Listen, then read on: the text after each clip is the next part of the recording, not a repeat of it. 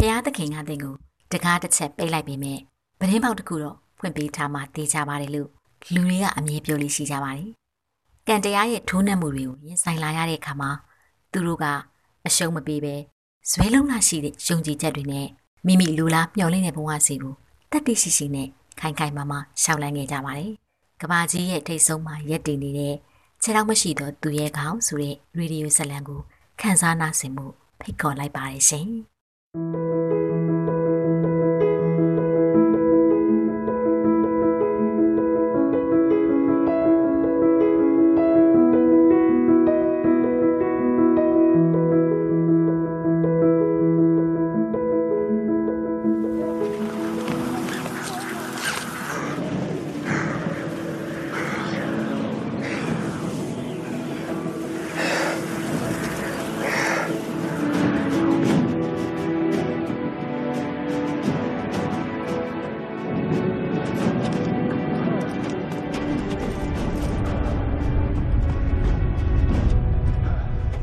ရုပ်ရှင်ယုံထဲကပိတ်ကားပေါ်မှာအဖိုးအတယောက်နှင်းလီတွေကြားထဲကနေတောင်ပေါ်ကိုစူးစားတွေ့တက်နေပါတယ်။ငွေရောင်တန်းပြီးတောက်ပနေတဲ့ခြေအထုနှစ်ချောင်းကရေခဲပြင်ထူထူကြီးကိုတိုက်လိုက်ပါတယ်။အောက်ဆီဂျင်နှဲပါမှုနဲ့အာရင်ကုန်ခတ်မှုတွေကြောင့်သူဟာအသက်ပြင်းပြင်းရှူရှိုက်နေရပါတယ်။ရှေ့ကိုသူ့ခြေတလန့်တွေ့တက်လာတိုင်းပြိတ္တရဲ့နှလုံးသားပါလှုပ်ခတ်နေပါတယ်။ပြိတ္တအားလုံးကခြေထောက်မရှိတဲ့ဒီအဖိုးအိုရဲ့လှုပ်ရဲ့အပေါ်ကိုအံ့ဩတုန်လှုပ်မိကြပြီးတော့စိတ်ထဲကနေသူ့ကိုစူးစားဖို့ အားပေးနေကြပါတယ်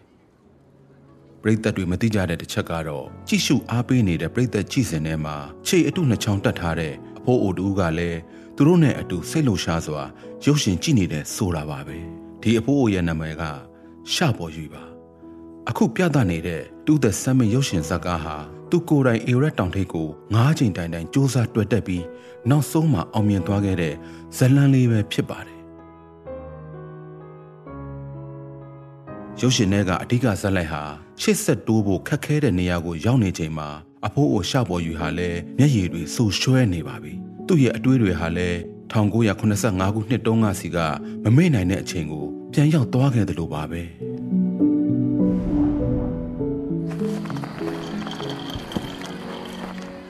အဲ့ဒီနှစ်မှာလူပေါင်း400ကျော်ပါဝင်တဲ့အဖွဲ့ကြီးကတရုတ်နိုင်ငံတောင်တက်အဖွဲ့ခေါင်းဆောင်စီကျန့်ချွန်းရဲ့ဥဆောင်မှုနဲ့အေရက်တောင်ချေမှာ စကန်ချနေကြပါတယ်အသက်26နှစ်အရွယ်ရှပေါ်ယူဟာကွန်မဒိုအဖွဲ့မှာတာဝန်ကျပါတယ်သူတို့ရဲ့တာဝန်ကတောင်ထိပ်ကိုစူးစမ်းတက်ရမှာဖြစ်ပြီးတော့တရုတ်နိုင်ငံအဖွဲ့ရဲ့လှေကတစ်ကိုတစ်ချိန်နဲ့တိဆောက်တော့ရမှာပဲဖြစ်ပါတယ်အေရက်တောင်မြောင်းမျက်နှာရဲ့ပင်လယ်ရေမျက်နှာပြင်အထက်မီတာ8600နာကတနေရာမှာဇောက်ထိုးကျနေတဲ့ကျောင်းနေရတစ်ခုရှိပါတယ်တဘာဝကြီးက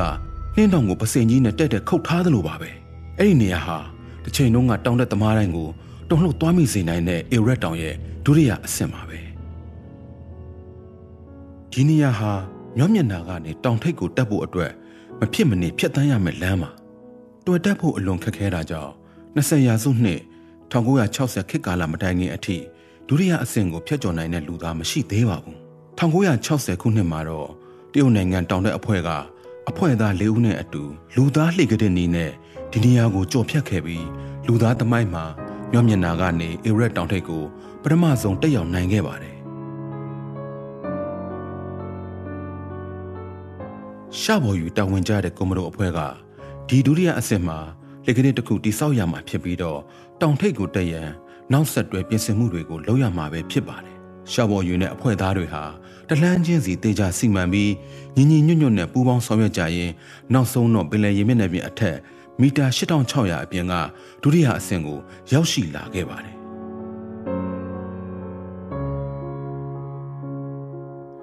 အဲ့ဒီအမြင့်နေရာမှာလူတွေဟာလှုပ်ရှားမှုတစ်ခုကိုလှုပ်တိုင်းစွမ်းရည်တွေအလွန်ပဲကုန်ခန်းကြရပါတယ်။အောက်ဆီဂျင်လိုအပ်မှုကြောင့်လှုပ်ရှားမှုတိုင်းဟာအတော်လေးခက်ခဲခဲ့ရပြီးတော့ရှပေါ်ယူတို့ဟာတမဏိလှေကတစ်ကိုကြောက်နေရမှာခိုင်ခိုင်မာမာရိုက်သွင်းနိုင်မှုအတွက်ကိုတနေ့ကုန်အချိန်ပေးခဲ့ရပါတယ်။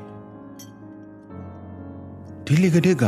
အခုလိုက်ပါလာတဲ့တရုတ်နိုင်ငံတောင်တက်အဖွဲ့ဝင်တွေကိုတောင်ထက်ရောက်အောင်ကူညီပေးနိုင်မဲ့အပြင်ဒုတိယအဆင့်နေရာမှာ33နှစ်ကြာအောင်တည်ရှိနေမှာပဲဖြစ်ပါတယ်။အဲ့ဒီအချိန်ကစပြီးတော့2008ခုနှစ်အထိဒီလှေကတဲ့ဟာကဘာအရရက်ကလာရောက်ကြတဲ့တောင်တက်သမားပေါင်း1300ကျော်ကိုအေရက်တောင်ထိပ်တက်နိုင်ဖို့ကူညီပေးခဲ့ပါတယ်။အဲ့ဒီအတွက်ကြောင့်လဲဒီလှေကတဲ့ဟာလူသိများကြတဲ့တရုတ်လှေကတဲ့လို့အမည်တွင်ခဲ့ပါတယ်။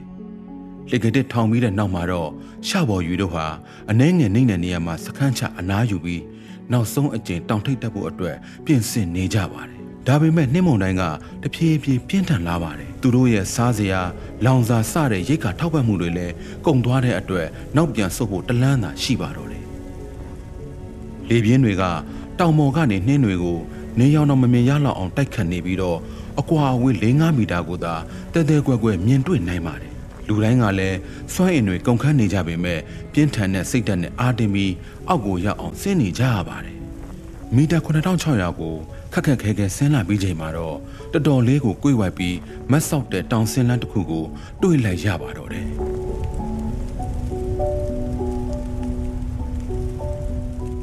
နောက်ထပ်လေပြင်းမုန်တိုင်းတစ်ခုတိုးဝစ်တိုက်ခတ်လာပြန်ပါတယ်ဟာငါငါရဲ့ sleeping bag အာအင်ကုန်ခန်းနေတဲ့တီးပက်လူမျိုးအဖွဲ့သားဟာခြေတစ်ချက်ချော်သွားတာကြောင့်သူ့ကြောပေါ်က sleeping bag ဟာတောင်ကြားတဲ့ကိုပြုတ်ကျသွားပါတယ်။သူတို့အခုရောက်နေတဲ့နေရာက Iraq တောင်ထိပ်ဆိုတော့ပင်လယ်ရင်မျက်နှာပြင်အထက်ဖြစ်ပြီးတောင်ထိပ်ကအပူချိန်ဟာတစ်နှစ်ပတ်လုံးတုံညာအောင်30-40ဒီဂရီစင်တီဂရိတ်သာရှိနေတဲ့နေရာဖြစ်ပါတယ်။ sleeping bag သာမရှိရင်လူသားတစ်ယောက်အနေနဲ့အယိုးခိုက်အောင်အေးတဲ့ညကိုဘယ်လိုဖြတ်ကျော်ရမလဲဆိုတာတွေးတော်မတွေးဝင်စရာပါပဲ။ဒါကိုစဉ်းစားမိတဲ့ တိဘက်လူမျိုးတောင်တက်အဖွဲ့သားခမညာလမ်းတော်ဆက်မလျှော့နိုင်တော့ပဲမျောလင့်ချက်မဲ့စွာနဲ့မြေကြီးပေါ်ကိုထိုင်ချလိုက်မိပါတော့တယ်ဒီအဖြစ်ကိုတွေ့ရတော့မိနက်ဖျားလို့နာမည်ပြောင်ပေးခံထားရတဲ့ရှောက်ပေါ်ယူဟာစဉ်းစားတူဝင်မနေပဲသူ့ရဲ့ sleeping bag ကိုထုတ်ပေးလိုက်ပါတယ်ကျွန်တော်ကခန္ဓာကိုယ်အားကောင်းတယ်အေးမကြောက်ဘူးကျွန်တော်ရဲ့ဒီ sleeping bag ကိုခမ ्या ပဲယူသုံးလိုက်ပါဒီလိုနဲ့ပဲအဲ့ဒီညမှာရှောက်ပေါ်ယူဟာ sleeping bag မရှိဘဲနဲ့ကိုယ်ပေါ်မှာဝတ်ထားတဲ့ဥဝတ်စားနဲ့ပဲတညဖြတ်ကျော်ခဲ့ပါတယ်နောက်တစ်နေ့မနက်မှာတော့ရှောက်ပေါ်ယူတကိုယ်လုံးအေးခဲနေပါပြီအဖွဲ့သားတွေကသူ့ကိုထူမလိုက်တဲ့အချိန်မှာသူဘလို့မှမလှုပ်နိုင်တော့တာကိုသူ့ကိုသူသတိထားလိုက်မိပါတော့တယ်ဒီအချိန်မှာအဆိုးရဆုံးပြဿနာကိုသူသတိထားလိုက်မိပါတယ်သူ့ခြေထောက်နှစ်ဖက်လုံးအတိမရှိတော့ပါဘူးတောင်အောက်ကိုရောက်တာနဲ့ရှောက်ပေါ်ယူကိုစေးရုံပို့ပြီး အရေးပေါ်ကယ်ဆယ်မှုတွေလုပ်ခဲ့ပါတယ်ဒါပေမဲ့အရန်နောက်ကျသွားခဲ့ပါပြီရှောက်ပေါ်ယူရဲ့ခြေသလုံးတစ်ဖက်ဟာပြင်းထန်တဲ့အေးဒဏ်ကြောင့်မဖြစ်မနေဖြက်ပြစ်လိုက်ရပါတော့တယ်တတိပြန်ရလာတဲ့ရှောက်ပေါ်ယူဟာမျက်နှာချက်ကိုမော့ကြည့်နေပြီးသူ့ခြေထောက်တွေကိုလှုပ်ဖို့ကြိုးစားလိုက်ပေမဲ့လည်းဟာတာတာဖြစ်နေတာကိုခံစားမိလိုက်ပါတယ်ရှောက်ပေါ်ယူရဲ့မိသားစုတွေဟာအဝေးကနေရောက်လာကြပြီးတော့မိခင်ဖြစ်သူက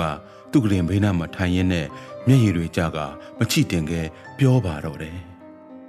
ခြေတော့မရှိတော့ရင်နင်ဘယ်လိုအသက်ရှင်ရတော့မှာလဲမိုးနဲ့မင်းကြီးရဲ့ကျမသားလေးကိုကျမခြေတော့နဲ့ပဲလဲပေးလိုက်စမ်းပါအဲ့ဒီတော့မှ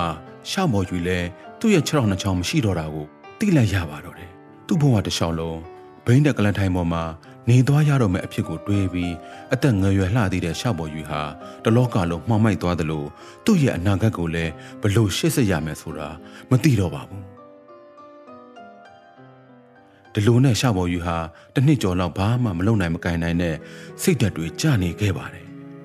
ခြေထောက်တွေမရှိတော့တောင်လက်တက်လို့မရသလိုဘောလုံးလက်ကန်လို့မရတော့ဘူးပေါ့ဘာဆက်လုပ်ရမယ်မှန်းလဲသူ့ကိုယ်သူမသိသေးပါဘူးဒါပေမဲ့တရက်မှာတော့ဂျာမနီနိုင်ငံကစိတ်ပညာရှင်တဦးဟာတရုတ်နိုင်ငံကိုပရာဟိတအစီအစဉ်လာလှုပ်ရင်းနဲ့ရှောက်ပေါ်ရွေရှိတဲ့ဆေးရုံကိုရောက်လာပြီးတော့တွေ့ဆုံမေးမြန်းမှုတွေလုပ်ခဲ့ပါတယ် ရှောက်ပေါ်ရွေရဲ့အခြေအနေကိုမရပြီးတဲ့နောက်မှာတော့ဂျာမနီဆရာဝန်ကသူ့ကိုအခုလိုပြောလာပါတော့တယ်ခမားခြေတုတက်ပြီးသွားရင် ပုံမှန်လူတယောက်လိုနေထိုင်လှုပ်ရှားသွားလာနိုင်မှာတောင်တက်တာလည်းလုံးလို့ရသေးတယ်ဗျဒီစကားကိုကြားလိုက်ရတော့ရှောက်ပေါ်ရွေရဲ့စိတ်ထဲမှာမကြခင်ငိမ့်လို့မဲ့မိတော့ဟာပြန်ပြီးတောက်လုံလာပါတော့တယ်ဟာဒါဆိုကျွန်တော်လမ်းလျှောက်လို့ရအောင်မယ်ပေါ့တောင်တက်လို့ရောရအောင်မယ်ပေါ့နော်ရှာပေါ်ယူဟာ ဝမ်းသာအားရနဲ့ဆရာဝန်ကိုပွေဖက်လိုက်ပါတယ်ဟာဆရာဟုတ်ကျေးဇူးတင်လိုက်တာဗျာ။အေဝရက်တောင်ပေါ်ကနေပထမဆုံးဆင်းလာတဲ့အချိန်တုန်းကတောင်တက်တဲ့အားကစားကိုသဘောကျနှစ်သက်သွားမှန်းရှာပေါ်ယူဟာသူ့ကိုယ်သူသိလိုက်ပါတယ်။သူဟာမသိသေးတဲ့အရာကိုစူးစမ်းရှာဖွေရတာနှစ်သက်ပါတယ်။ကိုယ့်ကိုယ်ကိုစိန်ခေါ်မှုလုပ်ရတာတွေနဲ့စွန့်စားမှုကိုစိန်ခေါ်ရတဲ့ခံစားချက်ဟာသူ့ကိုယ်သူအသက်ရှင်နေသေးတယ်လို့ခံစားမိစေပါတယ်။ အဲဒါကြောင့်ပဲအေရက်တောင်ထိပ်ကိုထပ်မံတက်ရောက်ဖို့ဟာရှာပေါ်ယူစူးစမ်းရုန်းကန်ဖို့ပန်းတိုင်ဖြစ်လာခဲ့ပါတယ်။ရစ်တက်နေတဲ့သူ့ဘဝဟာလည်းခြေလန့်ပြန်ဆလာခဲ့ပါတော့တယ်ခြေအတုတက်ပြီးနောက်မှာတော့ရှပေါ်ယူဟာမတန်ဆွမ်းအားကစားတွေမှာတက်တက်ကြွကြွပါဝင်လှုပ်ရှားခဲ့ပါတယ်သူကပြည်တွင်းပြည်ပကမတန်ဆွမ်းအားကစားပွဲအမျိုးမျိုးမှာဝင်ရောက်ရှင်ပြန်ခဲ့ပြီးတော့စုတစိမ်များစွာရရှိခဲ့ပါတယ်ရုပ်ပိုင်းဆိုင်ရာကြန့်ခိုင်မှုရှိစေဖို့ သူ့ကိုယ်သူလေ့ကျင့်ရေးအစီအစဉ်တစ်ခုရေးဆွဲလိုက်ပါတယ်နေ့စဉ်မနက်9နာရီအိပ်ရာထားပြီးအလေးမာတာလေ့ကျင့်ပြီးမှတက်လုံကောင်းအောင်ဆက်လေ့ကျင့်ပါတယ်ပြီးတော့10ကီလိုဂရမ်အလေးချိန်ရှိတဲ့တဲအိတ်ထမ်းပြီးတော့မှထိုင်ထလုပ်ပါတယ်15ချိန်တစ်ခေါက်နဲ့10ခေါက်ထိုင်ထလုပ်ပါတယ်ဘားကိုလေးချိန်က10ချိန်တစ်ခေါက်နဲ့10ခေါက်လုပ်ပါတယ်ဒိုင်အချိန်60တစ်ခေါက်နဲ့10ခေါက်လုပ်ပါတယ်အိတ်ထမှတင်အချိန်60တစ်ခေါက်နဲ့ 10ခေါက်လုပ်ပါတယ်ပြီးတော့ကြောကြွက်သားလက်မောင်းရှေ့နောက်ကြွက်သားတွေကိုလေ့ကျင့်ပါတယ်ဒီလေ့ကျင့်ငန်းတွေကိုလုပ်ပြီးတဲ့နောက်မှာစပိန်နေပြီးတော့ဘေကျင်းမြို့အနောက်ဘက်ကရှမ်းစန်းတောင်မှာတောင်းတရင်းနဲ့ကြန့်ခိုင်မှုရှိအောင်လေ့ကျင့်ပြန်ပါတယ်။စပိန်နဲ့အသွားပြန်ခီးတဲ့90ကီလိုမီတာရှိပါတယ်။ခြေလက်အင်္ဂါဆုံးရှိတဲ့သူတော်မှတောက်လျှောက်မလုံနိုင်တဲ့အပြင်းစားလေ့ကျင့်ခန်းတွေကိုရှပေါ်ယူကတော့ဇွဲရှိရှိနဲ့လှုပ်သွားနိုင်ခဲ့ပါတယ်။တငယ်ချင်းမိတ်ဆွေတွေကတော့ ရှပေါ်ယူအခုလိုအပင်ပန်းခံလေ့ကျင့်နေတာကိုမြင်ကြတော့အားလုံးကဝိုင်းထားကြပါတယ်ဒီလိုလေ့ကျင့်တာခန္ဓာကိုယ်မှာဒဏ်ဖြစ်သွားအောင်မယ်နော်တက်တက်တတ်တာလှုပ်ဆမ်းမှာကွာဆရာဝန်ပြောတဲ့စကားယုံလို့ရပါမလားကွာပြီးတော့ခြေတုတက်လိုက်တာနဲ့အေရက်တောင်ထက်ကိုတက်နိုင်ပါတယ်လားအနေရများတော့နဲ့ထင်တယ်တော့ငါတော့ပြီးတော့ तू ကမင်းကိုစိတ်ချမ်းသာအောင်ဒီလိုပြောလိုက်တာနေမှာ तू ပြောတော့တကယ်မထင်နေနဲ့ရဟုတ်တယ်ပေါ်ယူကြီးမင်းကျမ်းမကြီးကအဲ့လိုပင်ပန်းခံလို့မရသေးဘူးလေအိမ်မှာပဲကောင်းကောင်းအနားယူလိုက်ပါအောင်ကွာဒါပေမဲ့ ရှောက်ပေါ်ယူကတော့ဒီစကားတွေကိုစိတ်ထဲတောင်မထားပါဘူး။သူမှန်တယ်လို့ထင်တဲ့အရာကိုသာသူယုံကြည်ခဲ့ပါတယ်။ကံကောင်းတာကမိသားစုဝင်တွေအထူးသဖြင့်ရှောက်ပေါ်ယူရဲ့အမျိုးသမီးကသူ့ကိုအမြဲတမ်းအားပေးခဲ့ပါတယ်။သူနှာကျင်ခံစားခဲ့ရတာတွေကိုမြင်တွေ့ခဲ့ရတာကြောင့်သူလှုပ်ချင်တဲ့အရာကိုပေးလို့စေချင်ပါတယ်။အေရက်တောင်ထိပ်ကိုတက်လှမ်းမှုအိမ်မက်ကိုအကောင့်နဲ့ဖော်ပြီးသူ့စိတ်ထဲမှာတားဆီးထားတဲ့တောင်ကြီးကိုကြော်လွန်စေချင်ပါတယ်။ထင်မှတ်မထားတာတခုကတော့ ဒီခြေထောက်မရှိတဲ့သူရဲကောင်းစီကိုကန်ဆိုးမှုတွေကနောက်ထပ်ရောက်လာပြန်ပါတယ်။ကာလကြာအောင်လေ့ကျင့်ခန်းအားကစားအမြောက်အများလုပ်ခဲ့တဲ့အတွက်ရှောက်ပေါ်ယူရဲ့ခြေနှစ်ပတ်ဟာခြေတုတက်ဆင်ထားတဲ့နေရာကထပ်ဖန်တလဲလဲပုံပက်မှုတွေရှိလာပါတယ်။ဒဏ်ရာလုံးဝပျောက်ကင်းစေခြင်းရင်တော့ဂရင်ပေါ်မှာပဲလှဲပြီးအနားယူနေရမှာပါ။ဒါပေမဲ့ရှောက်ပေါ်ယူကတော့လေ့ကျင့်ရေးကိုတရားမှမနာကျင်ပါဘူး။အဲဒါကြောင့်အချိန်ကြာမြင့်တဲ့အထိအနာမကျက်နိုင်တဲ့ဒဏ်ရာနဲ့လေ့ကျင့်ခန်းတွေကိုသူဆက်လုပ်ခဲ့ပါတယ်။ နောက်ဆုံးမှာတော့ရှပေါ်ယူဟာလင်ဖိုးမလို့ခေါ်တဲ့သွေးကင်ဆာယောဂရှိနေတယ်လို့စစ်စစ်ချက်အဖြစ်ထွက်လာပါတော့တယ်။အဲ့ဒီအချိန်ဟာ1993ခုနှစ်ဖြစ်ပြီးသူ့ရဲ့အသက်44နှစ်အရွယ်မှာပဲဖြစ်ပါတယ်။သွေးကင်ဆာဝေဒနာရှင်တွေကယောဂပြန်ဖြစ်လွဲပါတယ်။ခွဲစိတ်ပြီးတဲ့နောက်ဆေးရုံလူနာအခန်းထဲမှာလှဲနေတဲ့ရှပေါ်ယူရဲ့ဘေးနားမှာကင်ဆာဝေဒနာရှင်အမျိုးမျိုးရှိနေပါတယ်။ယောဂဝေဒနာရှင်တွေရဲ့ကြောက်ရွံ့မှု ဝမ်းနည်းမှုနဲ့မျောလင့်ချက်မဲမှုတွေကိုနေ့တိုင်းမြင်တွေ့နေရပါတယ်ဒီလိုပတ်ဝန်းကျင်မျိုးမှာသူမလုံးမှမနေနိုင်တော့တဲ့အတွက်အိမ်ပြန်ပြီးတော့မှဆက်လေးခြင်းမို့သူဆုံးဖြတ်လိုက်ပါတော့တယ်အဲ့ဒီအချိန်တုန်းကသူ့စိတ်ထဲမှာတရက်ရှင်လဲတရက်ပဲစိတ်တကြလို့မဖြစ်ဘူးဆိုပြီးတော့မှစိတ်ပိုင်းဖြတ်ထားပါတယ်ရှဘော်ယူရဲ့အရှုံးမပေးတဲ့စိတ်ဓာတ်ကိုမိုးနံမင်းကတနာသွားလို့ပဲလား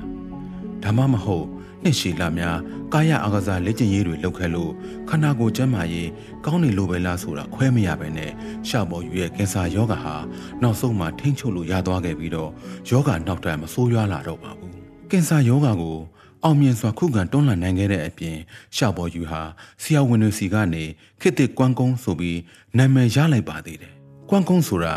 တရုတ်ရှိခေတ်နာမည်ကျော်ဝတ္ထု Romance of the Three Kingdoms ဇာတ်လမ်းတွေကသူရဲကောင်းဇက်ကောင်တစ်ယောက်ပါ သူကမေးစင်းမတုံးမဲနဲ့အယိုးချစ်ပြီးတော့အစိတ်ဖြေတဲ့ပုံမြင်ကိုတရုတ်နိုင်ငံမှာလူသိများကြပါတယ်ခြေတော်ဖြတ်ပြီးတဲ့နောက်မှာတော့ရှပေါ်ယူရဲ့ခြေတော်ရိုးကအပြင်မှာပေါ်နေပါတယ်ဖြတ်ထားတဲ့အယိုးပေါ်ကနေအသားပြန်ထွက်လာပြီးအယိုးအပေါ်အသားဖုံးသွားစေခြင်းရင်တော့ဒီအယိုးကိုတွေးထွက်အောင်လုပ်ရပါမယ်ဒါကြောင့်ရှပေါ်ယူဟာအယိုးချစ်တဲ့ကူတုံးကိုစတင်လက်ခံကုသခဲ့ပါတော့တယ်ပုံမှန်အယိုးချစ်ကူတုံးလုပ်တဲ့အခါမှာမေ့စီထိုးရပါတယ်မထိုးရင်တော့ အယိုးခိုက်အောင်နာကျင်မှုတံကိုတမန်လူတွေကဘလို့မှမခံနိုင်ပါဘူး။ဒါပေမဲ့မေစီပြပြီးသွားရင်လည်းတရက်လုံးမလှုပ်နိုင်တော့တဲ့အပြင်နောက်တရက်နှစ်ရက်အထိကိုလက်ကျင်ကမလှုပ်နိုင်တော့ပါဘူး။ဒီအချက်ကိုရှပေါ်ယူကလက်မခံနိုင်ပါဘူးဆရာအယိုးချစ်တဲ့အချိန်မှာကျွန်တော်မေစည်းမပေးလို့ရလားဟိုကျွန်တော်နေ့စဉ်ပုံမှန်လေးချိန်ကမပြတ်ချင်လို့ပါဗျာဟာဒီလိုပဲဖြစ်မလဲ အယိုးချစ်တယ်ဆိုတာအသေးခိုက်အောင်နာတာနော်ခမ ्या ခံနိုင်လို့လားခံနိုင်ပါတယ်ဆရာခံနိုင်ပါတယ်လေးချိန်ရေမပြတ်ဘူးဆိုရင်ကျွန်တော်ဘာမဆိုတီးခံနိုင်တယ်အန်ကျိတ်ပြီးတော့တီးခံရမှာပဲဗျာရှေးတုန်းကအယိုးချစ်ပြီးအစိတ်ဖြေတဲ့ကွမ်းကုန်းရှိခဲ့ဘူးတဲ့ခမ ्या ကတော့ခေတ်သစ်ကွမ်းကုန်းပဲပြို့အဲ့ဒါနဲ့ရှောက်ပေါ်ယူဟာအလွန်နာကျင်ရတဲ့ရိုးချစ်တံကို အခောက်တိုင်းတီးကန်ခဲ့ရပါတယ်။တကိုယ်လုံးတစ်ဆက်ဆက်တုံနေအောင်နာနေလဲရက်ပါလို့တခွန်းမှမဟခဲ့ပါဘူး။ ဒီလိုကုသလိုက်တာ၃နှစ်ကြာတော့မှအယိုးဘော်ကနေအตาပြန်ထွက်လာပါတော့တယ်။အခုပြန်တွေးကြည့်မိတိုင်းရှောက်ပေါ်ယူကတော့ရဲရဲမောမောနဲ့ပြောတတ်ပါတယ်အဲ့ဒီတော့ကကိုကိုကိုနှိပ်စက်ခြင်းနဲ့စိတ်ရှိပုံရတယ်တခြားသူတွေထက်ကျွန်တော်ဟာပဲစိတ်တက်ပိုပြင်းလို့လားမသိဘူးဒါပေမဲ့အိမ်မက်အကောင့်ထဲပေါ်ဖို့အတွက်တစ်ခါတရံမှာစွန့်လွတ်ရတာတွေရှိတယ်စတေးရတာတွေရှိတယ်ဗျ။ ဘဝဆိုတာဒုက္ခရှာတာပဲလို့ပြောဘူးတယ်လို့ရှိပါတယ်။ဒီစကားကရှောက်ပေါ်ယူကိုပေါ်မှာအပြည့်အဝပေါ်လွင်နေပါတယ်။အဲ့ဒီလိုဒုက္ခရှာနိုင်တဲ့စိတ်ကြောင့်သာသူ့ကိုလဲကြရာကနေအချိန်ချင်းပြန်ကုန်းထားနိုင်စေပြီးတော့အေဝရက်တောင်ထိပ်ကိုတလှမ်းချင်းစီတက်လှမ်းနိုင်စေခဲ့တာပါပဲ။ခြေတော့ဖြတ်ကင်ဆာယောဂဖြစ်ခွဲစိတ်မှုကြီးတွေအချိန်ချင်းလုံးရတဲ့အခက်အခဲဒုက္ခကိုကြုံတွေ့ခဲ့ရပြီးတဲ့နောက်ခြေတော့မရှိတော့တဲ့ဒီသူရဲကောင်းကြီးကစိတ်သက်ကြန့်ခိုင်မှု အကောင်းမြင်တတ်မှုဇွဲရှိမှုတို့ကိုအခြေခံပြီးလူဘဝရဲ့ဒုက္ခဝေဒနာနဲ့လောကပြောင်းလဲမှုတို့ကိုတွန်းလှန်ခုခံနိုင်ခဲ့လို့အချိန်ချင်းခီးပြန်ဆဖို့ကိုသူရွေးချယ်နိုင်ခဲ့ပါတယ်။2016ခုနှစ်ကမ္ဘာပထမအုပ်ဆုံးချင်းနှစ်ဖက်ပြတ်သူ Mark Inglis ဟာအေဝရက်တောင်ထိပ်ကိုတက်ရောက်နိုင်ခဲ့ပါတယ်။ရှာပေါ်ယူကဒီသတင်းကိုမြင်လိုက်ရတော့အေဝရက်တောင်ထိပ်ကိုတက်ဖို့ဆန္ဒကပုံပူပြင်းထန်လာပါတော့တယ်။2008ခုနှစ် ဘေကျင်းအိုလံပစ်မီးရှူတိုင်ကိုအေဝရက်တောင်ထိပ်မှာမီးထွန်းခဲ့မှုအတွက်ရှာပေါ်ယူဟာစီဒနာဝန်ထမ်းလုပ်ဖို့အခွင့်အရေးတစ်ခုရခဲ့ပါတယ်။အဲ့ဒီအချိန်မှာသူဟာအသက်60ရှိနေပါပြီ။အေဝရက်တောင်ချင်မှာမတ်တက်ရရင်သူ့စိတ်ထဲမှာအခွင့်အရေးကိုမြ мян ဖမ်းဆုံးမှဖြစ်မယ်။နောက်ကျသွားရင်အခွင့်အရေးမရှိတော့ဘူးလို့တွေးနေမိပါတယ်။အီတလီနိုင်ငံမှာ2011ခုနှစ်ဇူလိုင်လကကျင်းပတဲ့ကမ္ဘာချန်ပီယံရှစ်တောင်တက်ပြိုင်ပွဲမှာ မတန်ဆွမ်းသူများအုပ်စုကိုပထမဆုံးဖွဲ့စည်းခဲ့ပါတယ်။အသက်60ကျော်ပြီဖြစ်တဲ့ရှောက်မော်ယူကအရင်တုန်းကတောင်တက်ခဲ့တဲ့အခြေခံရဲ့ကိုခန္ဓာတောင့်တင်းကြန့်ခိုင်မှုတွေနဲ့ခြေနှစ်ဖက်ပြအမျိုးသားတောင်တက်အုပ်စုကအခက်အခဲပြိုင်ပွဲနဲ့အမြန်နှုံးပြိုင်ပွဲတို့ရဲ့ကမ္ဘာချန်ပီယံဆုနှစ်ဆုကိုရရှိခဲ့ပါတယ်။2014ခုနှစ်ရှောက်ပေါ်ယူအသက်65နှစ်အရွယ်မှာတော့အေဝရက်တောင်ထိပ်ကိုဒုတိယအကြိမ်တက်ရောက်ဖို့ခီးစဉ်ကိုစတင်ပြင်ဆင်လာပါပြီ။ဒီအချိန်ဟာ1985ခုနှစ်တုန်းက အေဝရက်တောင်ထိပ်ကိုပထမဆုံးအကြိမ်တက်ရောက်ခဲ့တဲ့အချိန်နဲ့ဆိုနှစ်ပေါင်း40နီးပါးကြာမြင့်ခဲ့ပါပြီ။ဒါပေမဲ့မထင်မှတ်ပဲအေဝရက်တောင်ထိပ်မှာနှင်းတောင်ပြိုကျမှုဖြစ်ပြီးတော့လူ16ယောက်ပျောက်ဆုံးခဲ့တာကြောင့်တောင်တက်အစီအစဉ်အားလုံးဖျက်သိမ်းခံလိုက်ရပါတယ်။အေဝရက်တောင်ချီစခန်းကိုရောက်နေတဲ့ရှာပေါ်ယူခမညာတောင်ထိပ်တက်ဖို့အခွင့်အရေးနဲ့လမ်းလွဲခဲ့ပြန်ပါတယ်။2015ခုနှစ်မှာသူခီးပြန်စားဖို့လုပ်ခဲ့တော့နီပေါနိုင်ငံက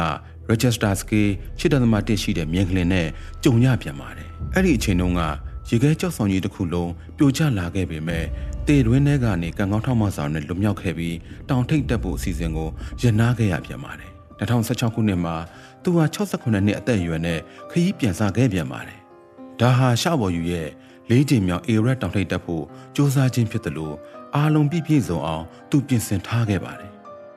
ဆဆချင်းမှာတော့အရာအားလုံးအဆင်ပြေနေခဲ့ပါတယ်။သူနဲ့အတူတူလိုက်ပါလာတဲ့လမ်းပြလည်း8950မီတာအမြင့်ကိုရောက်ရှိလာပြီးတောင်ထိပ်နဲ့64မီတာပဲလိုပါတော့တယ်။မလှမ်းမကန့်ကတောင်ထိပ်ဖျားချွန်ချွန်လေးကသူ့ကိုလက်ရက်ခုံနေတယ်လို့တောင်သူမြင်ရောက်နေပါတယ်။အကွာအဝေးကအလှမ်းနီးနေပြီဖြစ်ပြီးဒါဟာရှောက်မိုရီအတွက်အေရက်တောင်ထိပ်နဲ့နှစ်ပေါင်း40အကြာကင်းခွာခဲ့ပြီးတဲ့နောက်အနီးကပ်ဆုံးတစ်ကြိမ်ဖြစ်တယ်လို့သူ့ရဲ့အိမ်မက်နဲ့အလှမ်းအနီးဆုံးတစ်ကြိမ်လည်းဖြစ်ပါတယ်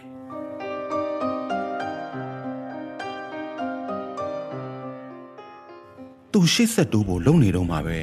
လေပြင်းတွေမထင်မှတ်ပဲတိုက်ခတ်လာကကောင်းကင်တစ်ခုလုံးနှင်းနေဖုံလန်သွားခဲ့ပါတယ်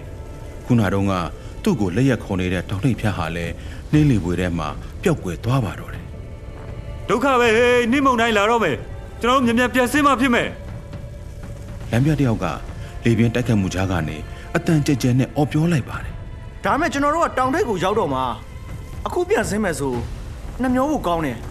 ကျွန်တော်တို့ ခဏလောက်အားတင်းပြီးတော့တက်ကြရအောင်ကျန်တဲ့လက်မြတ်တယောက်ကတော့ကြိတ်မနိုင်ခဲမရဖြစ်နေပါတယ်ဘာဘာရှာဒီအချိန်နေနဲ့ကျွန်တော်တို့ဘယ်လိုလုပ်ကြမလဲဆက်ပြီးတော့တက်အောင်မလားလက်မြတ်အလုံးကရှောက်ပေါ်ရွေကိုအကုန်ဝိုင်းကြည့်နေကြပါတယ်ငယ်ရွယ်နှုတ်နယ်သေးတဲ့မျက်နှာတွေကိုကြည့်လိုက်ရင်ဒီအချိန်မှာရှောက်ပေါ်ရွေအတွေးတွေဟာလွန်ခဲ့သောနှစ်ပေါင်း40တုန်းကအချိန်ကိုပြန်ရောက်သွားခဲ့ပါတယ်အဲ့ဒီအချိန်တုန်းကလည်းအခုလိုအခြေအနေမျိုးမှာပဲဖွဲ့သားတအုပ်က sleeping bag ပြုတ်ကျသွားခဲ့ပြီးတော့ သူကိုယ်တိုင်လည်းပြင်းထန်တဲ့အေးခဲတံရကိုရသွားခဲ့ပါတယ်မတူတဲ့တစ်ချက်ကတော့လက်ရှိမှာရှောက်ပေါ်ယူကတောင်ထိပ်နဲ့လက်တကန်းအလိုသာဝေးပါတော့တယ်။တကယ်လို့နောက်ပြန်ဆုပ်ဖို့မစင်စားဘူးဆိုရင်တော့သူ့ကိုယ်ခံစွမ်းအားနဲ့အန်ကျစ်ပြီးတော့တောင်ထိပ်တက်မယ်ဆိုရင်လုံးဝတက်လို့ရနေပါပြီ။တကယ်လို့ကိုယ့်အတွက်ပဲစဉ်းစားမယ်ဆိုရင်တောင်ထိပ်တက်လို့တေးရမယ်ဆိုလဲကြည်နပ်နေပါပြီ။ဘာပဲပြောပြောဒီအသက်အရွယ်အထိရှင်သန်လာခဲ့တဲ့အပြင် တားဖြစ်သူကလည်းအိမ်တော်ပြုပြီးစီးပွားအလောက်ကန်ရှိနေပါပြီ။အခုကိုလိုလားခဲ့တဲ့တခုတည်းသောအိမ်မက်ကိုလည်းကောင်းတဲ့ဖော်နိုင်ပြီဆိုတော့သူ့ဘဝအတွက်ကဘလို့ပဲတွတ်တွတ်တန်နေပါပြီ။ရှားပေါ်ယူရဲ့စိတ်ထဲမှာတော့ဒီလိုပဲစဉ်းစားမိတာပေါ့။ဒါပေမဲ့တောင်ထိပ်ရောက်ပြီးတော့ရောရှားပေါ်ယူနောက်လှည့်ကြည့်လိုက်တော့ငယ်ရွယ်တဲ့လမ်းပြ၅ယောက်ကသူ့ကိုဝိုင်းကြည့်နေကြပါတယ်။သူတို့ရဲ့အကြည့်တွေကအယမ်းကိုဖြူစင်နေပါတယ်။ သူတို့အားလုံးကအခုမှ20ကျော်လူငယ်လေးတွေပဲရှိကြပါသေးတယ်။အကုန်လုံးအိမ်တော်မပြည့်ရသေးပါဘူးသူတို့ရဲ့ဘဝကအခုမှအစပဲရှိပါသေးတယ်ရှောက်ပေါ်ယူရဲ့စိတ်ထဲမှာတော့ပြောင်းဆန်နေပါပြီနှစ်လေးဆယ်အကြာမှတ်ခဲ့တဲ့အိမ်မက်စိတ်ကူကလက်တကန်းအလိုမှာရောက်နေပါပြီတကယ်လို့လက်လျှော့လိုက်ရင်နောက်ဆိုအခွင့်အရေးရှိတော့မှာမဟုတ်ပါဘူးဒါပေမဲ့လူငယ်လေးတွေရဲ့ကြည်လင်ဖြူစင်တဲ့အကြည့်တွေနဲ့မိခင်တိုင်းရဲ့မျောလင့်နေမှုတွေကိုလည်းသူမလွန်ဆန်နိုင်ခဲ့ပါဘူး ပြန်ဆင်းမယ်ပြန်ဆင်းမယ်နှင်းမုံတိုင်းကလာတော့မှာငါတို့မတက်တော့ဘူးအတန်းချအောင်တွေးတောပြီးတဲ့နောက်မှာရှောက်ပေါ်ယူဟာတောင်ထိပ်တက်ဖို့ကိုလက်လျှော့လိုက်ပါတော့တယ်။ချင်းတစ်ဖက်ဆုံးရှုံးလိုက်ရတဲ့နာကျင်မှုကိုသူကြုံတွေ့ခဲ့ပူပါတယ်။လူဘဝရဲ့စိတ်ဓာတ်အကျဆုံးခံစားချက်တွေကိုလည်းနားလည်ခဲ့ပူပါတယ်။ဒီလူငယ်လေးတွေကိုသူကြုံတွေ့ခဲ့ရတဲ့ဝေဒနာတွေမျိုးမကြုံစေချင်ပါဘူး။ကိုယ့်အိမ်မက်စိတ်ကူးကိုလည်းတခြားလူတွေရဲ့ဝင်တော့ဝင်ဖို့မဖြစ်စေချင်ပါဘူး။ ဒါအပြင်တခြားလူကအသက်ပေးလိုက်ရတဲ့ပေးဆက်မှုမျိုးမရှိစေချင်ပါဘူး။အေဝရက်တောင်ထိပ်ကို၃ချိန်တိတိစူးစမ်းခဲ့ပြီးအချိန်တိုင်းမှာပြဿနာဖြစ်ခဲ့ပါတယ်။နောက်ဆုံးမီတာ90အလွန်မှာတော့တက်ခွင့်မရခဲ့ပါဘူး။မိုးနဲ့မင်းကဘာဖြစ်လို့သူ့ကိုတလို့ကြည်စဲနောက်ပြောင်နေရပါသလဲ။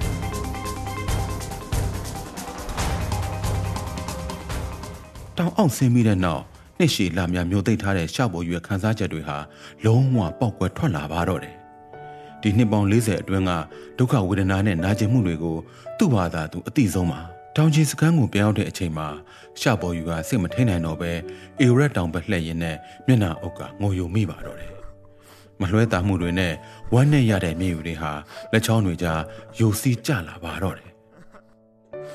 တောင်ထိပ်တက်မှုမအောင်မြင်တော့တဲ့နောက်ပိုင်း အချိန်အပိုင်းအခြားတစ်ခုအထိရှပေါ်ယူဟာသူ့သားကိုအချိန်ချင်းပြောနေမိပါတယ်အဖေတောင်မတက်ချင်တော့ဘူးတိတ်ပင်မန်းလွန်းနေကွာမာကြောက်ရိုက်လိုက်လမ်းလျှောက်လိုက်ခလေးထိတ်လိုက်နဲ့ဒီလိုအေဂျင့်တန်ရတဲ့တက်ကြီးရွယ်ကိုဘဝကတိတ်ကိုကောင်းပါတယ်ဒါပေမဲ့ဒါဟာသူလိုချင်တဲ့ဘဝမျိုးမဟုတ်မှန်းရှပေါ်၍နားလည်နေပါတယ်သူနှလုံးသားထဲကတောက်လောင်နေတဲ့မိလျံကအခုထိမငြိမ်းသေးပါဘူး ခန္ဓာကိုယ်ကျမ်းမာရဲ့အတော်အတန်ပြန်ကောင်းလာချိန်မှာရှပေါ်ယူဟာအန်ကျိတ်ပြီးတော့မှလေးကျင်လာပြန်ပါတယ်ဟိုအရင်လိုမျိုးနေ့တိုင်း9နာရီ6နာရီကြာလေးကျင်ငန်းကိုအမြဲလုပ်ခဲ့ပါတယ်နှစ်နှစ်ကြာပြီးတဲ့နောက်2018ခုနှစ်မှာသူဟာခီးပြန်ဆလာပြန်ပါတယ်။တကယ်တော့ရှပေါ်ယူရဲ့9ချိန်မြောက်အေရက်တောင်တိတ်တက်ခြင်းကိုဆရာဝန်ကအားမပေးခဲ့ပါဘူး။အကြောင်းရင်းကတော့ အရင်တုန်းကအလွန်အေးစစ်တဲ့ရာသီဥတုအချိန်မှာလေ့ကျင့်ခန်းအားကစားလုပ်ခဲ့တဲ့အတွက်သူဟာပြင်းထန်တဲ့သွေးကြောပိတ်ဆို့မှုယောဂဖြစ်နေပါတယ်။ဆရာဝန်ကသူ့ကိုအခုလိုပဲပြောခဲ့ပါတယ်နောက်ဆိုစွန့်စားအားကစားတွေကိုဘယ်တော့မှမလုံးနဲ့တော့တတိပေါ်ကျော်လိုက်တာနဲ့အချိန်မရွေးအသက်ဆုံးရှုံးနိုင်တယ်ဒါပေမဲ့ဗျာအေဝရတ်တောင်ထိတ်တက်ဖို့ကကျုပ်တဘဝလုံးစာရဲ့အိမ်မက်စိတ်ကူးလေးကျုပ်ဆက်ကြိုးစားသွားရမယ်လက်လျှော့လို့လုံးဝမဖြစ်ဘူး။မိသားစုဝင်တွေက သူ့ကိုဘယ်လောက်အားပေးအားပေးအ ਨੇ ဆုံးတော့သူ့ရဲ့အသက်အန္တရာယ်ကိုတော့စိုးရိမ်မိကြပါတယ်။ရှပေါ်ယူကသူ့သားကိုရှတ်တန်းဖိန်လို့နာမည်ပေးထားပါတယ်။အတိတ်ဘယ်ကတော့တောင်မြင့်ကိုမြေပြတ်မှလမ်းလျှောက်တယ်လို့တတ်နိုင်ပါစေတဲ့။ဒါပေမဲ့မိသားစုဝင်တွေအတွက်ကတော့ဒီနာမည်ကသူတောင်တက်ပြီးရင်တော့ဘေးမတီရမခနဲ့အိမ်ကိုပြန်ရောက်လာဖို့မျှော်လင့်ထားတဲ့အတိတ်ပဲတက်ရောက်နေပါတယ်ဘေးမတီရမခဆိုတဲ့စကားကရှပေါ်ယူရဲ့အမျိုးသမီးက သူနဲ့ဖုန်းပြောတိုင်းအချိန်ချင်းမှားကြရတဲ့စကားဖြစ်လာပါတယ်တကယ်လို့အေရက်တောင်ထိပ်ကိုတက်ချင်းဟာရှပေါ်ယူရဲ့တဘွားလုံးဆိုင်အိမ်မက်ဖြစ်မယ်ဆိုရင်သူ့ဇနီးတဲ့ရဲ့အိမ်မက်ကသူ့ကိုဘေးမတီရမခပြန်ရောက်လာစေဖို့ပါပဲဒီတစ်ခေါက်ခီးမဆခင်မှာရှပေါ်ယူကအရင်လိုပဲအိမ်ကရေမီတာလျှက်စစ်မီတာတွေဆောင်းပေးပြီးတော့မိသားစုဝင်တွေကိုဘန်ကတ်နဲ့အာမကန်စာရွက်အဆရှိတာတွေကိုမှားကြားအနှံခဲ့ပါတယ် ဒီလိုလိုရခြင်းအကြောင်းကလည်းခီးတစ်ခေါက်ထွက်သွားတိုင်းအသက်ရှင်ရက်နဲ့ပြန်လာနိုင်မှုမသေးချာမှန်းသူသိနေလို့ပါဇနီးတဲ့ကဒီတစ်ခေါက်ခီးမထွက်ခင်မှာသူ့ကိုဘေးကင်းအဆောင်တစ်ခုပေးခဲ့ပါတယ်အဲ့ဒါကတော့ငွေရောင်ဘူးတိကြောင်အယုတ်လေးပါပဲဘူးတိကြောင်လေးကိုဖွင့်လိုက်ရင်အထက်မှာစက်ကူလေးလေးတစ်ခုရှိပါတယ်စက်ကူလေးပေါ်မှာဘေးအန္တရာယ်ကင်းစွာပြန်လာနိုင်ပါစေလို့စာရေးထားပါတယ်ပစ္စည်းအပြည့်စုံနဲ့ခီးထွက်ဖို့ပြင်ထားတဲ့ရှပေါ်ယူဟာ ဇနီးတဲ့ကသူ့အတွက်ကြောပိုးရေးအပြည့်ပြင်ဆင်ပေးထားတဲ့ဆေးတွေကိုကြောမှာလွယ်လိုက်ပါတယ်အထုပ်အပိုနဲ့နဲ့များသွားပေမဲ့ဒါတွေကဇနီးတဲ့ရဲ့စေတနာမြတ်တာတွေမို့လို့သူမလို့မှမငင်းဆန်နိုင်တယ်လို့ညင်းလဲညင်းဆန်မှာမဟုတ်ပါဘူးအဲ့ဒီနောက်ပိုင်းခီးစင်ထဲမှာဖုန်းလိုက်မိတာနဲ့သူကဇနီးတဲ့စီကိုနေ့တိုင်းဖုန်းဆက်ခဲ့ပါတယ်ဖုန်းဆက်တိုင်းဇနီးတဲ့စီကအမြဲတမ်းပထမအဆုံးကြားရတဲ့စကားကရှင်ကျမ်းမာရေးကောင်းရလားဆိုတဲ့စကားပါပဲ ဒီခီးတစ်ချောက်လုံးမှာတော့ရှာပေါ်ယူဟာအခက်အခဲအမျိုးမျိုးကြုံခဲ့ရပြန်ပါတယ်ကုန်းမြင့်ဒေတာအဖျားယောဂခံစားရပြီးအဖျားတက်ဝမ်းလျှော့နဲ့နှစ်ရက်လောက်ဒုက္ခခံရပြီးမှနေပြန်ကောင်းလာပါတယ်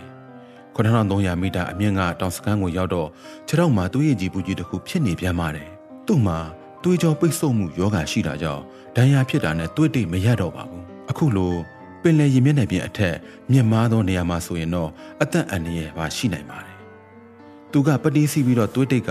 ဆက်လက်တောင်တက်ခဲ့ပြန်ပါတယ်။အီရက်တောင်ထိပ်ကိုနောက်ဆုံးမတက်ခင်ရှေ့တညမှာသူဟာတော်တော်နဲ့အိတ်မပြောခဲ့ပါဘူး။ကိုနဲ့မကွာဆောင်းလာတဲ့ကင်မရာကိုကြည့်ရင်သူကစကားတွေပြောနေမိပါတယ်ဒီနှစ်ပေါင်း40ကျော်အတွင်းမှာကျွန်တော်အကျွေးတင်ဆုံးကမိသားစုဝင်တွေပါပဲကျွန်တော်ဘဝမှာဒုက္ခမျိုးစုံခံစားခဲ့ရပြီးဝါသနာတစ်ခုပဲရှိတာကျွန်တော်ဇနီးကတီးလို့သူကကျွန်တော်ဘဝမှာနောင်တဆိုတာမရှိစေခဲ့ဘူး အိမ်ကကိစ္စကြီးငယ်မှန်သမျှသူကပဲအမြဲတမ်းစီမံပေးသွားခဲ့တာကျွန်တော်ကိုတောင်တက်နိုင်အောင်လို့ပေါ့သူကတိတ်ကိုပင်ပန်းခဲ့တာဗျကျွန်တော်ကိုလည်းအမြဲစိတ်ပူပေးတယ်။ဒီစကားကိုပြောတဲ့အချိန်မှာကျေးဇူးတင်စိတ်နဲ့အာနာဝမ်းနေမိတဲ့စိတ်ကြောင့်ရှာပေါ်ယူဟာအတန်တိတ်မျက်ရည်ကျမိပြန်ပါတယ်။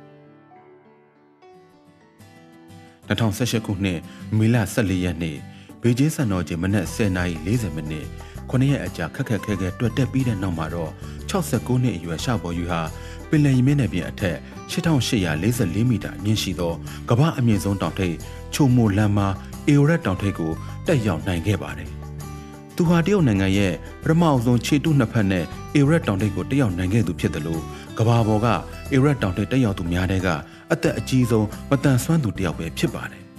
တောင်ထိပ်ပေါ်ရောက်လာတဲ့ရှာပေါ်ယူဟာဝမ်းသာအားရနဲ့စရင်းတဲ့စီကိုချက်ချင်းဖုံးဆက်လိုက်ပါတယ်ငါငါတောင်ထိပ်ရောက်သွားပြီ။သူ့အတန်ကတုံရင်နေပါတယ်။53နှစ်တိတိကြာပြီးတော့မှအိမ်မက်ထဲအထိသူလာခြင်းခဲ့တဲ့နေရာကိုနောက်ဆုံးတော့သူရောက်လာခဲ့ပါပြီ။ကျမရှင့်အတွက်ကောင်းယူပါတယ်လောင်ရှတတိထားကယူဆိုင်တော့ဘေးမတီရမခနဲ့ပြန်လာခဲ့ကျမအိမ်မှာရှင့်ကိုစောင့်နေမယ် ။ဇနီးတဲ့ကဖုန်းထဲကနေလှမ်းပြောလိုက်ပါတယ်။ငါဘေးမသိရမခနဲ့ချင်းတွေပြန်လာခဲ့မယ်။စိတ်ချဖုန်းချပြီးတဲ့နောက်ရှာပေါ်ယူနဲ့အဖွဲ့သားတွေဟာတောင်အောင်ပြန်ဆင်းလိုက်ပါတယ်။တောင်တက်ရတာမလွယ်သလိုတောင်ဆင်းရမှာတော့ပိုခက်ခဲပါတယ်။တောင်ဆင်းလိုက်ရခက်ခဲမှုကိုရှာပေါ်ယူသိပြီးသားပဲဖြစ်ပါတယ်။ဒါပေမဲ့သူပြန်ကိုပြန်ရမယ်ဆိုတာလဲသူသိနေပါတယ်။သူပြောခဲ့မှုတဲ့စကားထုံးလို့ပါပဲ။တောင်ထိပ်ကပန်းနိုင်မဟုတ်ပါဘူး အိမ်ပြန်ရောက်ဖို့ကသာပန်းနိုင်ပါတောင်အောက်ဆင်းတဲ့လမ်းမှာအန်ဒီရဲ့အမျိုးမျိုးရှိခဲ့ပါတယ်တကယ်တော့တောင်ထိပ်ရောက်ပြီးတဲ့အချိန်မှာနှင်းမုန်တိုင်းနဲ့သူတို့တွေ့ခဲ့ပါသေးတယ်။တမီတာကြော်ရင်ဘာမှမမြင်ရတော့ပါဘူး။ရက်ကူးရလို့ဖို့လဲအာယုံမဆိုင်နိုင်တော့ပါဘူး။အဲ့ဒီအချိန်မှာအရေးကြီးဆုံးကအသက်မသေးဖို့ပါပဲ။လမ်းပြက10မိနစ်အတွင်းရောက်တယ်လို့ပြောတဲ့လမ်းကိုသူက3နာရီတိတိရှောက်ခဲ့ရပါတယ်။ပြောရရင်တလန်းချင်းစီလှမ်းခဲ့ရတာပါပဲ။ သူ့ခြေထောက်ကခြေအတုရဲ့ပုတ်တိုက်မှုကြောင့်ရောင်နေပါတယ်လမ်းမလျှောက်နိုင်သလိုလှမ်းလည်းမလှမ်းနိုင်တော့ပါဘူးတခါတခါဆိုရေခဲကြားတဲ့နင်းမိတာနဲ့ခြေတစ်ချောင်းလုံးနှင့်ဝင်သွားခဲ့ပါသေးတယ်ရှဘော်ယူကတောင်အောက်ကိုသူမဆင်းနိုင်တော့ဘူးလို့တွေးမိတာအခါခါပါပဲဒီလိုအခက်ခဲတွေကြားမှာမိသားစုဝင်တွေကိုကျင်းသေးပြန်လာပါမယ်လို့ကြိပေးခဲ့တာကိုသူပြန်တွေးနေမိပါတယ်ဒီအချိန်မှာသူ့အသက်ဟာသူ့ပိုင်နဲ့အသက်မဟုတ်တော့ပါဘူး သူ့မိသားစုပိုင်နဲ့အသက်ဖြစ်နေတာကြောင့်ဘေးမတည်ရမခနဲ့ပြန်ရောက်ဖို့သူအစွမ်းကုန်စူးစမ်းရပါတော့မယ်အချိန်နှစ်ရက်တိတိကြာတော့မှတောင်ကြီးစကန်းကိုသူတို့ပြန်ရောက်လာခဲ့ပါတယ်တောင်မောကဆင်းလာပြီးတဲ့နောက်မှာတော့ရှဘော်ယူဟာတကိုယ်လုံးပိန်ချုံသွားပြီးတော့မျက်နှာတစ်ခုလုံးလည်းညုံမဲပြီးရောင်ကိုင်းနေပါတယ်ခန္ဓာကိုယ်ပေါ်မှာရေခဲရိုက်ဒဏ်ရာတော်တော်များများရှိနေပြီးအသက်10နှစ်လောက်အိုဆင်းသွားလောက်အောင်မျက်နှာဟာညှိုးနွမ်းနေပါတယ်အဖေအဖေကျွန်တော်ဒီမှာ အခုမှပဲအဖေပြန်ရောက်တော့တယ်ရှဘော်ယူဟာအေရက်တောင်ကြီးစကန်မှာဝမ်းသာအရာနဲ့အဝေးကနေသူ့ကိုလက်လှမ်းပြနေတဲ့တားဖြစ်သူကိုမြင်ပြီးတော့ခြေလှမ်းတွေကိုခတ်သွက်သွက်ရှောက်လိုက်မိပါတယ်။လက်ဆက်သက်တော့တားဖြစ်သူကတောင်ကြီးစကန်ကိုတိတ်တိတ်လေးရောက်နေနေပြီးသူ့ကိုစောင့်နေတာပဲဖြစ်ပါတယ်။ရှဘော်ယူဟာအေရက်တောင်ထိပ်ကိုအောင်မြင်စွာတက်ရောက်နိုင်ခဲ့တဲ့အပြင်ဘေးမတည်ရမခနဲ့အိမ်ကိုပြန်သွားနိုင်ခဲ့ပါတယ်။